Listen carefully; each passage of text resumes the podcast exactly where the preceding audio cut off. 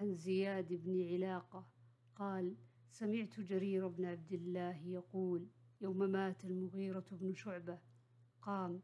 فحمد الله وأثنى عليه وقال عليكم باتقاء الله وحده لا شريك له والوقار والسكينة حتى يأتيكم أمير فإنما يأتيكم الآن ثم قال استعفوا لأميركم فإنه كان يحب العفو ثم قال أما بعد فإني أتيت النبي صلى الله عليه وسلم قلت يا رسول الله أبايعك على الإسلام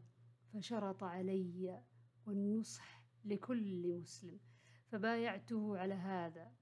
ورب هذا المسجد إني لناصح لكم ثم استغفر ونزل.